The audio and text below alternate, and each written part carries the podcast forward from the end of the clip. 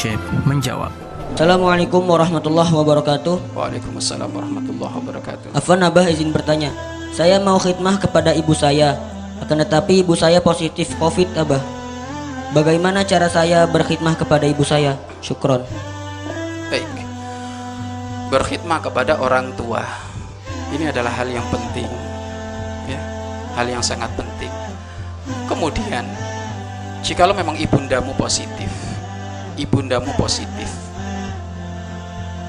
maka dalam hal urusan penyakit kayak gini, maka kita kembali kepada orang yang ngerti dalam urusan penyakit. Bagaimana ilmu kedokteran?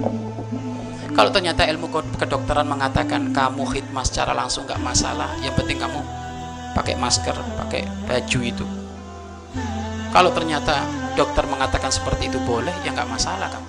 Tapi kalau mengatakan nggak usah, nanti ada perawat, ada ini, tinggal inti pantau, seperti itu. Tinggal dipan, dipantau. Ya, artinya apa? Urusan berbakti itu tidak harus kamu kelihatan gitu enggak. Yang penting hatimu.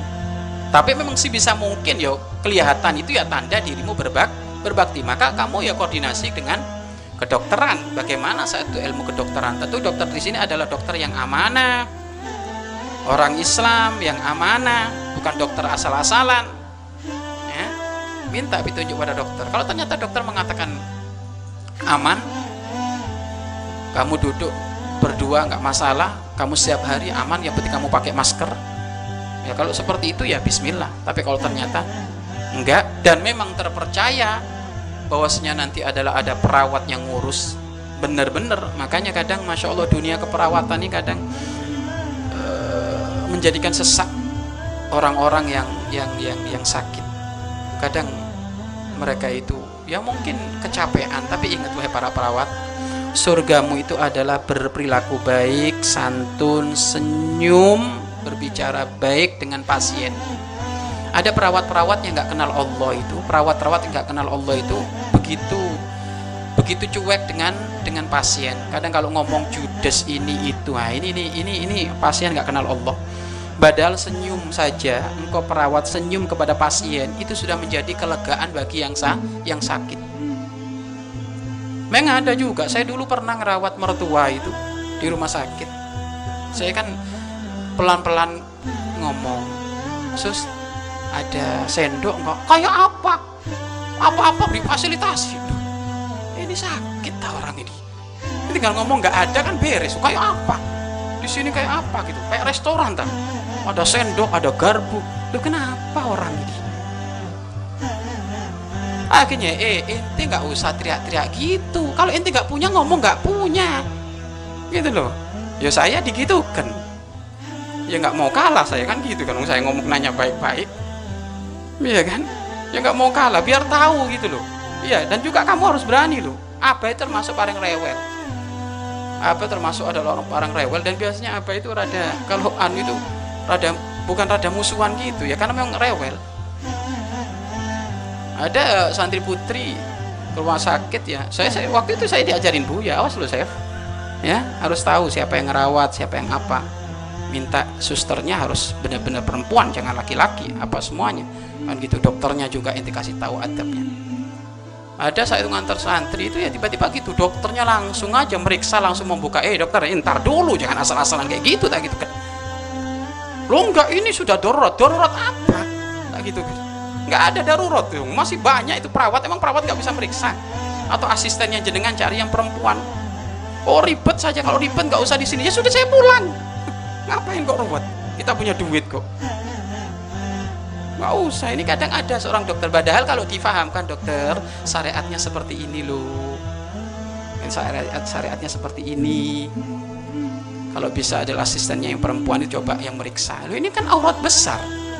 Meriksa. Ini kadang enggak dan memang ada kadang dokter-dokter yang nggak amanah itu gitu. Kalau sudah melihat pasien yang cantik wah ini rezeki. Loh kan kacau. Dokter kayak gini. Makanya inti yang berani inti. Jangan mau istri ente mohon maaf kehormatannya dinodai oleh dokter-dokter yang nggak paham syariat. Meriksa asal aja buka kayak gitu ini kan kacau ini. Ya, kalau abah marah kayak gitu. Ya mungkin di saat apa apa? Meriksa kandungan istrimu istrimu. Ya jangan mau disentuh-sentuh enggak. Dokter tinggal nengok di layar. Biarkan yang jalankan alat itu adalah asisten yo harus wibawa kita. Dan saya yakin kalau dia dokter yang ngerti faham syariat dia nggak bakal nggak bakal nggak bakal marah di gitu tapi yang nggak paham syariat ya gitu. Ini darurat nggak apa-apa ini katanya nggak darurat andai kan darurat pun ada caranya. Nggak asal-asal kayak gitu pakai sapu tangan. Kemudian nggak boleh dibuka semuanya. Ini langsung mau dibuka semuanya kayak gitu. Kacau makanya kadang dunia kesehatan itu tercoreng dengan seperti itu dunia kesehatan itu. Makanya tolong ada caranya caranya sangat mudah ya. Caranya sangat mudah. Menjadikan nggak mudah karena kurang paham. Lah di saat dikasih pemahaman nggak mau ngeyel gitu kan nggak nggak mau ngeyel sampai dulu pernah saya itu ribut itu di rumah sakit terbesar di Cirebon sampai direkturnya turun. Direkturnya tuh turun gitu. Sampai saya diadem-ademin Pak Ustadz yang sabar. Lu bukan bukan kami nggak insya Allah kami sabar. Tapi kami kalau melihat santri kami diginikan ya kami nggak mau gitu nggak mau semuanya ada caranya. Ya sabar ya Pak Ustadz ya sabar sabar. Karena direkturnya juga orang dekat kita. Direkturnya orang dekat kita. Ada orang soleh. Namanya ada. Itu orang dekat kita. Akhirnya belajar ngerti oh ya sudah kalau apa? Kalau al-bahja itu seperti ini penanganannya. Harus dong jangan pasrah kayak gitu. Masa meriksain meriksain apa? Kandungan istrinya perut istrinya dipegang-pegang sama dokter laki-laki dibuka auratnya. Inti diem saja anak soleh anak soleh. Soleh bahlul. Dipegang-pegang kok soleh kayak gitu? Enggak enggak ada. Inti harus berani inti. Dokter nggak boleh megang nggak boleh megang. Terus gimana kan? Kan dokter ada asisten itu ada asisten. Kalau enggak paling enak makanya eh kamu para santri perempuan kamu kalau mau kuliah ya coba jadi dokter dokter kandungan sekarang dokter kandungan perempuan itu langka sekarang dokter kandungan perempuan itu langka. Ada kadang bukan orang dari kita. Ya kenapa? Karena banyak ini. Kasihan ini perempuan-perempuan ini. Ya harus dimuliakan. Namun sisi lain ya sisi lain juga tetap harus adab. Tapi banyak dokter-dokter yang soleh perawat-perawat yang soleh itu banyak juga. Makanya doain. Mudah-mudahan Al-Bahjah punya rumah sakit. Ya kan? Sehingga nanti itu harus senyum sapa lembut. Karena insya Allah itu pasien kalau melihat susternya senyum ramah gitu sudah enak kok. Ya kan?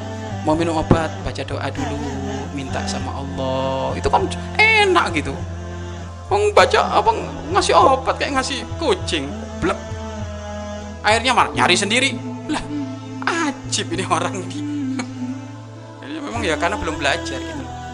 Eh, belum belajar tapi insya Allah alhamdulillah banyak rumah sakit rumah sakit minta pengajian ya kami singgung masuklah surga engkau dengan senyum.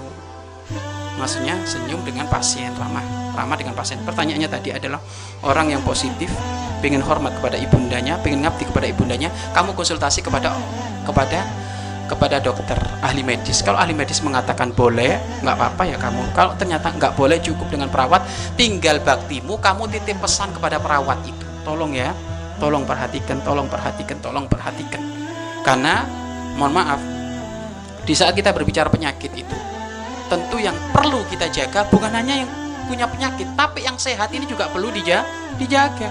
Jangan sampai malah yang sehat ini juga nanti jatuh sah sakit. Karena ini urusan urusan kehidupan. Semuanya saling menjaga saling dihor dihormat insya Allah ya.